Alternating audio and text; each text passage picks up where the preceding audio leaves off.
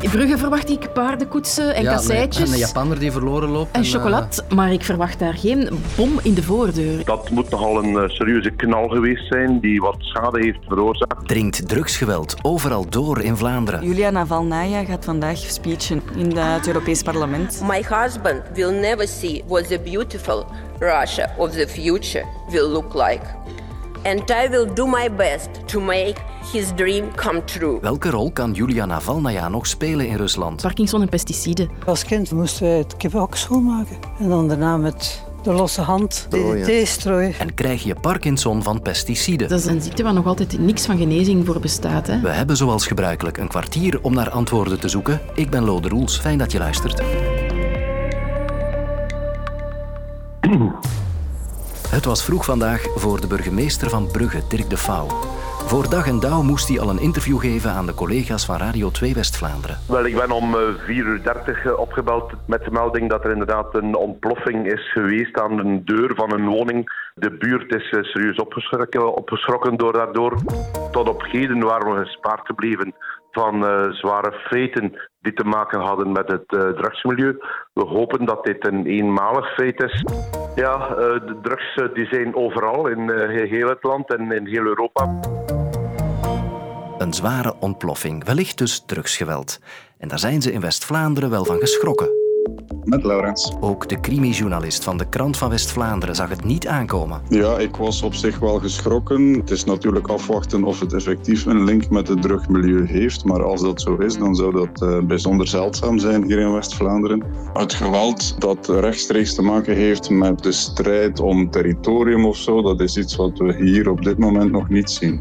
Wij hebben niet eh, de problematiek zoals in Antwerpen, al is het wel zo dat die vrees er wel een beetje is. En als het zware drugsgeweld de buitenwijken van Brugge heeft bereikt, is het dan geen kwestie van tijd voor het zich over heel Vlaanderen verspreidt? Nee, het is geen kwestie van tijd dat het zou uitbreiden naar heel Vlaanderen. Het zit al in heel Vlaanderen. Wij doen de ogen dicht. Want wij hebben heel sterk ja, de neiging om te denken, ja, dat is een probleem van Latijns-Amerika, dat komt overgewaaid. Nee, het zit al in heel Vlaanderen. We kijken gewoon niet. We durven niet te kijken, we durven eigenlijk niet de ogen te openen. Klaar en duidelijk. Dit is criminoloog Jelle Janssens van de UGent. Hij merkt al langer dat drugsgeweld niet alleen meer in grootsteden zit, maar evengoed in pakweg Tongeren, Maasmechelen of Brugge. Er bestaat een zekere kwetsbaarheid voor georganiseerde misdaad. Criminele netwerken bieden jongeren snel, of jongeren, ouderen, iedereen eigenlijk, ze bieden natuurlijk twee vormen van aanlokkingsmiddelen. Het eerste is veel geld, snel geldgewin, zonder eh, dat er vragen worden gesteld. En ten tweede is het eh, natuurlijk het statussymbool. En als je dan kijkt naar jongeren die het moeilijk hebben op de, de reguliere economie, in bepaalde steden en gemeenten waar je toch wel ziet dat we sociaal-economisch met een aantal zwakkere plaatsen zitten waar het heel moeilijk is om aan werk te geraken, waar de, waar de levenskwaliteit lager ligt, ja, dan zien we toch wel heel vaak dat daar die link is met de georganiseerde misdaad. Dus in dat opzicht moet je ook niet schrikken dat er op andere plaatsen verbanden worden gevonden. En ja, ook daar ten noorden van, van Brugge bijvoorbeeld, weten we ook dat er daar uitdagingen zijn, sociaal-economische uitdagingen. In Tongeren idem, Maasmechelen zeker. Um, Menen idem. Dus ja, we moeten ons daar niet van verbazen dat er een link is tussen aantrekkingskracht van georganiseerde misdaad en de, de voedingsbodem die er zou kunnen bestaan in bepaalde steden en gemeenten. Nu kwamen ze in West-Vlaanderen ook niet helemaal uit de lucht vallen. Onze crimijournalist Laurens stelt zich bijvoorbeeld vragen bij de rol van de haven van Zeebrugge. Sinds de fusie van de haven van Zeebrugge met die van Antwerpen bestaat die vrees wel dat uh, ook die problematiek uh, tot bij ons komt. Het is een internationale markt. En dus men zoekt aanvoerroutes. En een van die aanvoerroutes is inderdaad Zeebrugge. Maar dat kan ook op een andere plaats zijn. Dat kan evengoed Nieuwpoort zijn. Dat kan andere havens zijn ook waar men probeert drugs binnen te smokkelen. De fusie van de havens van Zeebrugge en Antwerpen, ja, die zorgt er natuurlijk wel voor dat men vanuit het niveau van, van die fusie gaat kijken, goed, die toeleveranciers vanuit Latijns-Amerika bijvoorbeeld naar bananen toe, uh, laten we die toekomen in Antwerpen of laten we die toekomen in Zeebrugge. En ik weet van insiders dat men al heel bezorgd was ook met die fusie. Uh, dat Zeebrugge natuurlijk ook wel een toegangspunt zou kunnen worden. En dat je dan ook wel een aantal uh, mensen hebt met Antwerpse accenten die op de, de kades van Zeebrugge al eens komen kijken van wat valt hier te be beleven. Dus eender waar je ook maar een, een toegangspunt hebt voor die drugsmarkt, is kwetsbaar voor georganiseerde criminaliteit en dus ook voor drugsgeweld.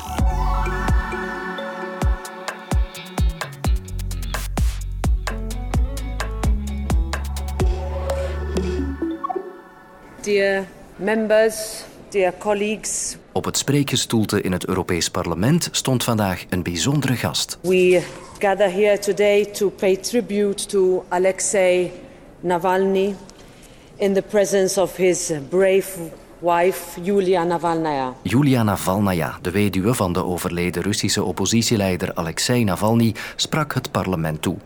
Haar man stierf twaalf dagen geleden onder verdachte omstandigheden in een strafkolonie in het hoge noorden van Rusland. Dear ladies and gentlemen. In haar speech vandaag herhaalde Julia Navalnaya opnieuw dat het Kremlin haar man vermoord heeft. Putin killed my husband, Alexei Navalny.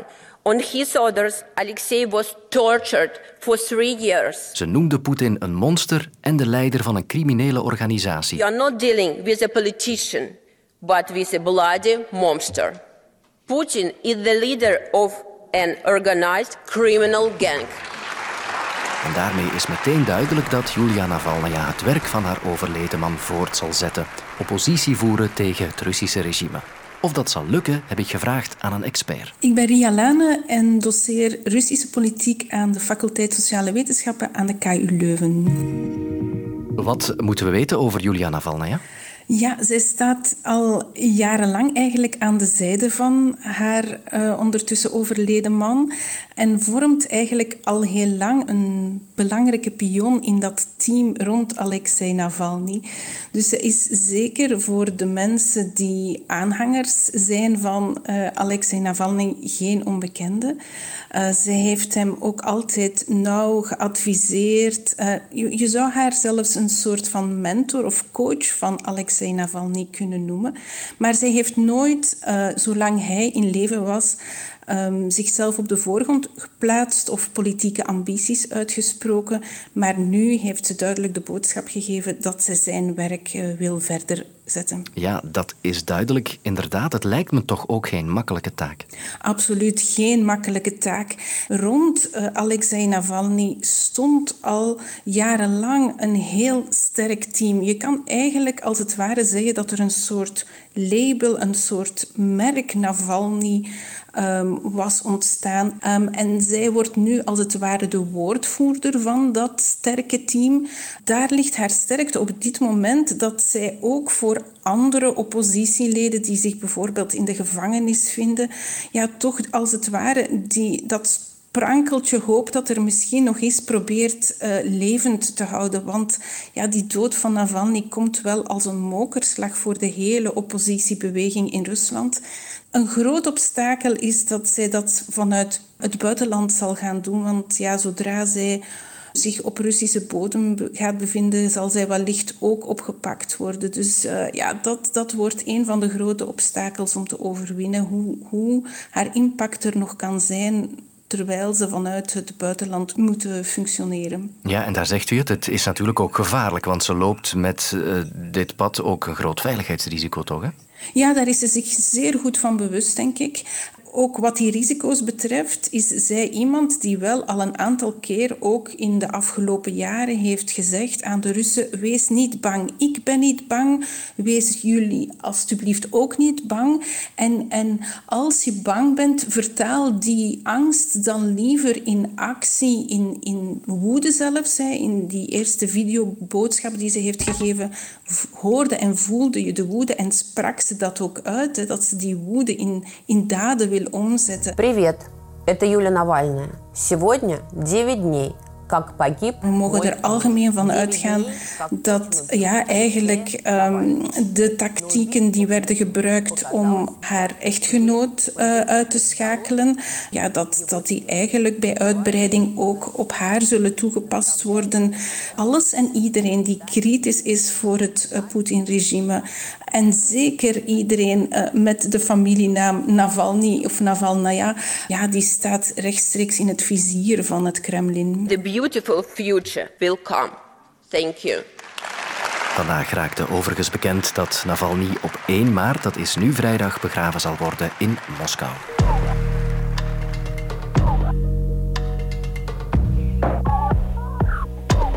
De pandemie van de toekomst, wat zou dat kunnen zijn, denk je?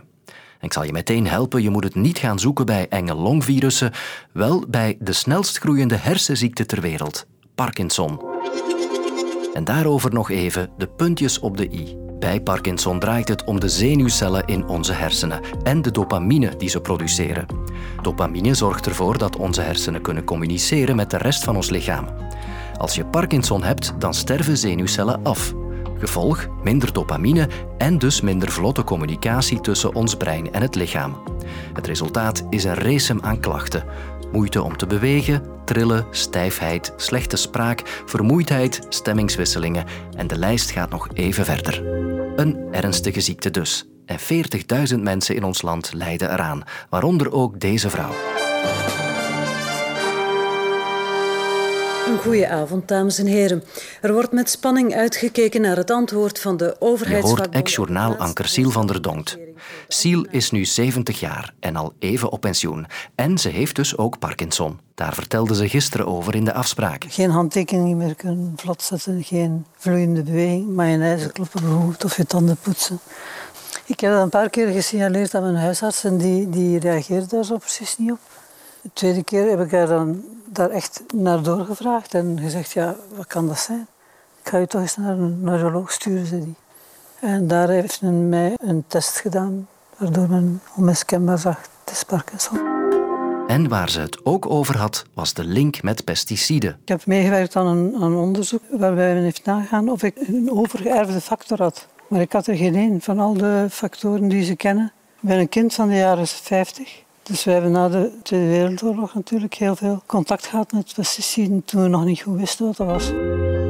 Eigenlijk is het al langere tijd geweten inderdaad dat mensen die leven in gebieden waar heel veel pesticiden gebruikt worden en mensen die ze ook veelvuldig gebruiken, zoals landbouwers, dat die een sterk verhoogd risico hebben op het ontwikkelen van de ziekte van Parkinson. Dit is Patrick Santens, neuroloog aan het UZ Gent en dus iemand die veel in contact komt met Parkinson. Ja, dagelijks eigenlijk. Hè. Dus dat is de grootste groep van patiënten die ik te zien krijg. Siel had het gisteren ook over Franse landbouwers. Bijvoorbeeld in Frankrijk is er dus wel vanuit de natuurbeweging een soort kaart gemaakt van Frankrijk van residuen van pesticiden. En die viel samen met de wijngebieden. Derde kaart is spreiding van Parkinson. En ook dat legde ik voor aan Patrick Santes. Wanneer men naar kaarten gaat kijken, waar men het aantal Parkinson-patiënten gaat uitzetten tegenover het, het, gebruik van pesticiden, dan ziet men daar een, een heel duidelijke correlatie tussen.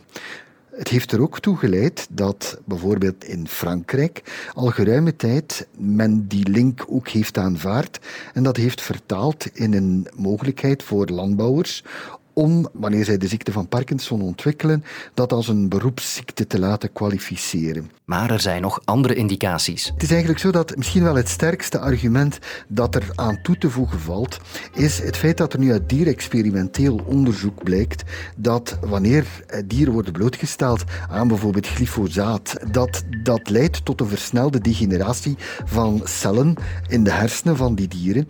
En het zijn met name die cellen die wij ook zien verdwijnen bij mensen met de ziekte van Parkinson. Dat is toch een zeer belangrijke aanwijzing. Als we dat een beetje correleren met het feit dat de ziekte van Parkinson pas ontstaat wanneer voldoende cellen gedegenereerd zijn, dan weten we dat dat een proces is dat ook heel geleidelijk verloopt. Dat is niet in rekening gebracht hè. wanneer men de risico's van dergelijke producten heeft geëvalueerd, heeft men eigenlijk voornamelijk naar de korte termijnseffecten gekeken en dan spreekt het voor zich dat eigenlijk op korte termijn er ook niet zo direct een effect is te verwachten in die zin. Maar het is de herhaalde blootstelling. Ik vind dat toch al behoorlijk veel bewijs. En toch is nog niet iedereen in de wetenschappelijke wereld van de link overtuigd. Mensen die wonen in bepaalde gebieden worden natuurlijk aan een veelheid aan factoren blootgesteld. Hè, waardoor het eigenlijk moeilijk is om te zeggen van als daar inderdaad een verband zou zijn, van waar moeten we dan specifiek naar kijken.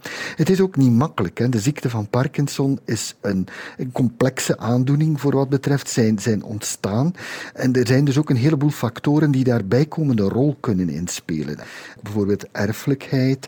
En op die manier raakt dat een beetje vertroebeld en wordt dat in vooral de economische discussies die daar rond gevoerd worden, ja, toch dikwijls een beetje opzij geduwd. Er is daar met andere woorden nog wel wat ruimte dus voor extra onderzoek. Morgen plukken we drie nieuwe verhalen uit het nieuws. Tot dan. In Onder ons Politiek praten Ivan de Vadder en een collega van de politieke redactie van VRT Nieuws je bij. Ook over de verhalen achter de schermen. net zoals ze dat doen aan de koffieautomaat op de redactie. Elke woensdag in de app van VRT Nieuws.